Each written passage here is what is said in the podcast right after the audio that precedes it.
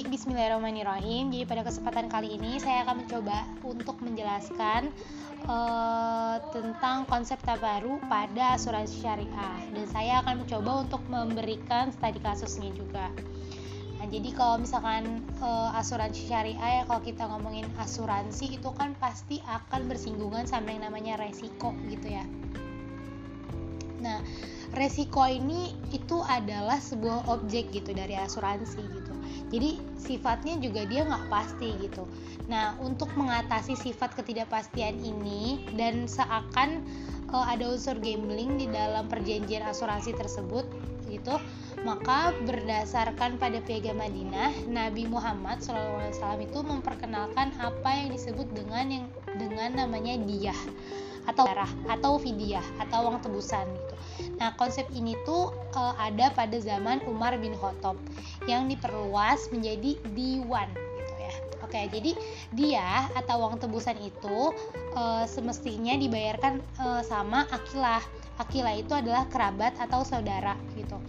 Uh, di da, apa ya kerabat atau saudara dari seseorang uh, dari seorang pembunuh kepada ahli waris yang dibunuh untuk menghindari pembunuhannya dari jerat hukum. Kayak gitu. Itu dia. Bentuknya dia kayak gitu. Nah sedangkan kalau vidya itu adalah tebusan yang dibayarkan oleh akilah tahanan perang kepada musuh agar dibebaskan dari tahanan gitu. Nah, diwan itu ditetapkan di berbagai distrik selama masa Khalifah Umar bin Khattab orang yang namanya dicatat dan ditulis gitu dalam e, diwan berjanji satu dengan yang lainnya untuk secara bersama-sama membayar uang tebusan. Jadi kalau misalkan ada di antara mereka yang membutuhkannya gitu e, ya membutuhkannya nah baru nanti dikeluarin si diwan ini gitu nah ini tuh merupakan prinsip dasar asuransi yang berlaku sampai sekarang Nah, ini uh, bisa ditemukan di dalam bukunya Muhammad Mahsyum Billah yang ditulis pada buku uh, Muhaimin Iqbal Asuransi Umum Syariah tahun 2002. Kayak gitu. Nah, peristiwa itu tuh yang menunjukkan bahwa Islam itu enggak bertentangan sama prinsip manajemen resiko kayak gitu. Nah, terus uh, akad tabaru tuh kayak gimana sih gitu ya?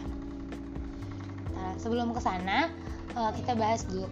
Se karena itu gitu ya, akad antara perusahaan asuransi sama peserta asuransi itu harus jelas. Gitu.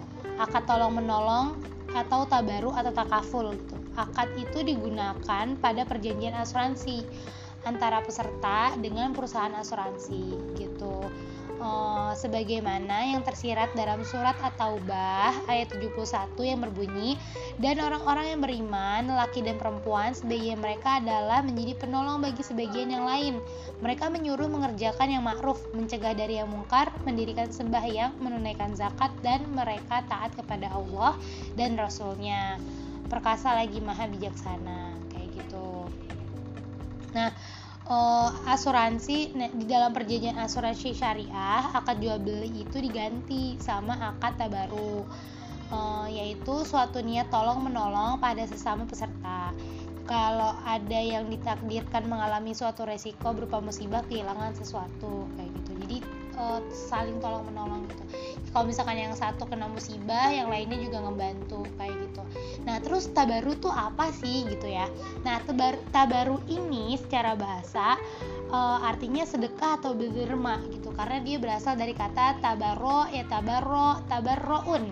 Artinya sumbangan atau derma Nah, jadi arti yang lebih luas tabaru itu berarti melakukan suatu kebaikan tanpa persyaratan.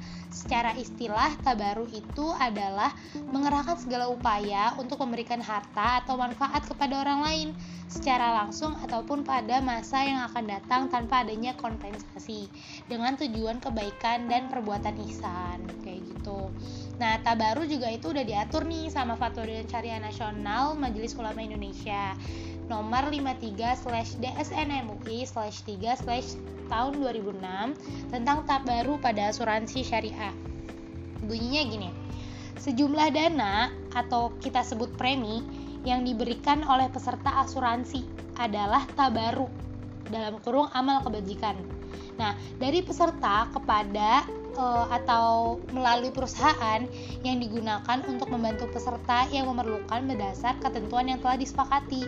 Nah, dan perusahaan memberikannya kepada peserta sebagai tabaru atau hibah murni tanpa imbalan. Hubungan hukum yang timbul antara para peserta asuransi e, sebagai akibat akad takmin jama'i atau asuransi kolektif adalah akad tabaru gitu. Nah, setiap peserta adalah pemberi dana tabaru kepada peserta lain yang terkena musibah berupa ganti rugi atau bantuan atau klaim yang menjadi haknya. Dan pada saat yang sama, ia pun berhak menerima dana tabaru ketika terkena musibah, kayak gitu. Nah, ini ada dalilnya nih, gitu. Dalilnya tuh apa sih gitu? Ada Quran surat Al-Maidah ayat 2 yang bunyinya dan tolong menolonglah kamu dalam mengerjakan kebajikan dan takwa dan jangan tolong menolong dalam perbuatan dosa dan pelanggaran. Dan bertakwalah kamu kepada Allah sesungguhnya Allah amat berat siksanya. Terus ada juga selain e, nas Al-Quran ada juga nas hadis Barang siapa melepaskan dari seorang muslim satu kesulitan di dunia, Allah akan melepaskan kesulitan darinya pada hari kiamat. Dan Allah senantiasa menolong hambanya selama ia suka menolong saudaranya. Hadis Rahul Muslim dan Abu Hurairah. Terus ada lagi nih, Perumpamaan orang beriman dalam kasih sayang, saling mengasihi dan mencintai bagi tubuh yang satu. Jikalau satu bagian menderita, sakit, maka bagian lain akan turut menderita. Hadis Rahul Muslim dan Nu'man bin Bashir. Kayak gitu. Jadi konsep tabaru atau konsep tolong menolong ini atau derma ini uh, itu emang udah ada pada zaman Rasulullah kayak gitu. Terbukti dari hadisnya gitu ya teman-teman. Nah terus gimana sih studi kasusnya gitu? Terus gimana sih konsep tabaru gitu dalam uh, asuransi syariah gitu? Nah contohnya misalkan nih aneh aneh adalah seorang nasabah di uh, perusahaan asuransi syariah gitu.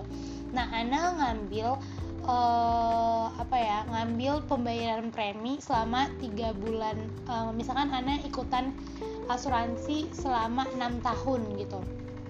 Selama dari anak SMP sampai anak SMA dari kelas 1 SMP sampai kelas 3 SMA 6 tahun kan nah uh, per tiga bulannya itu Ana harus bayar premi misalkan 700 ribu kayak gitu udah tuh akhirnya setiap tiga bulan sekali per triwulan aneh aneh bayar 700 ribu uh, untuk preminya gitu. Terus juga ada sebagian untuk tabaru gitu untuk dana tabarunya kayak gitu. Nah setelah uh, Ana selesai ini selama enam tahun dan alhamdulillahnya Ana nggak nggak terjadi apa-apa sama Ana gitu. Ana nggak sakit Ana nggak kecelakaan atau atau apa pun itu uh, yang memerlukan dana tabaru itu gitu Nah akhirnya kalau misalnya nggak kenapa-napa, ya uang preminya aneh itu bakalan balik lagi ke aneh gitu. Dan aneh juga dapet uh, hasil bagi hasil gitu. Dana bagi hasil gitu. Karena dana aneh dipakai untuk investasi sama perusahaan syariah itu gitu. Sama sama perusahaan asuransi syariah itu gitu. Kalau misalkan di akad awalnya uh, akad mudorobah biasanya kan. Nah kayak gitu. Berarti Ana juga dapat uh, hasil dari dana yang aneh tabung gitu di asuransi syariah kayak gitu. Tapi misalkan anak ternyata dalam enam tahun itu anak sakit nih anak sakit parah gitu dan anak habis uang banyak gitu misalkan habis 5 juta misalkan gitu kan. Nah tetap tuh berarti kan anak masih ada sisa di tabungan asuransi syariah tuh kan. Berarti nanti tetap balik ke anak sisanya gitu dan anak juga tetap dapat uh, keuntungan dari bagi hasil itu gitu dari uh, kerjasama mudoroba itu kayak gitu. Kayak gitu sih bentuknya kalau misalkan di asuransi di asuransi syariah. Nah, mungkin mungkin uh, semoga menjawab dari hmm, pertanyaan gitu ya. Semoga menjawab uh, apa sih gitu konsep tabaru dalam asuransi syariah kayak gimana sih gitu konsepnya. Tadi udah, udah coba untuk jelasin terus juga udah anak kasih studi kasusnya semoga paham. Uh, mungkin cukup sekian penjelasan aneh untuk kali ini. Uh, kurang lebihnya mohon maaf. Wassalamualaikum warahmatullahi wabarakatuh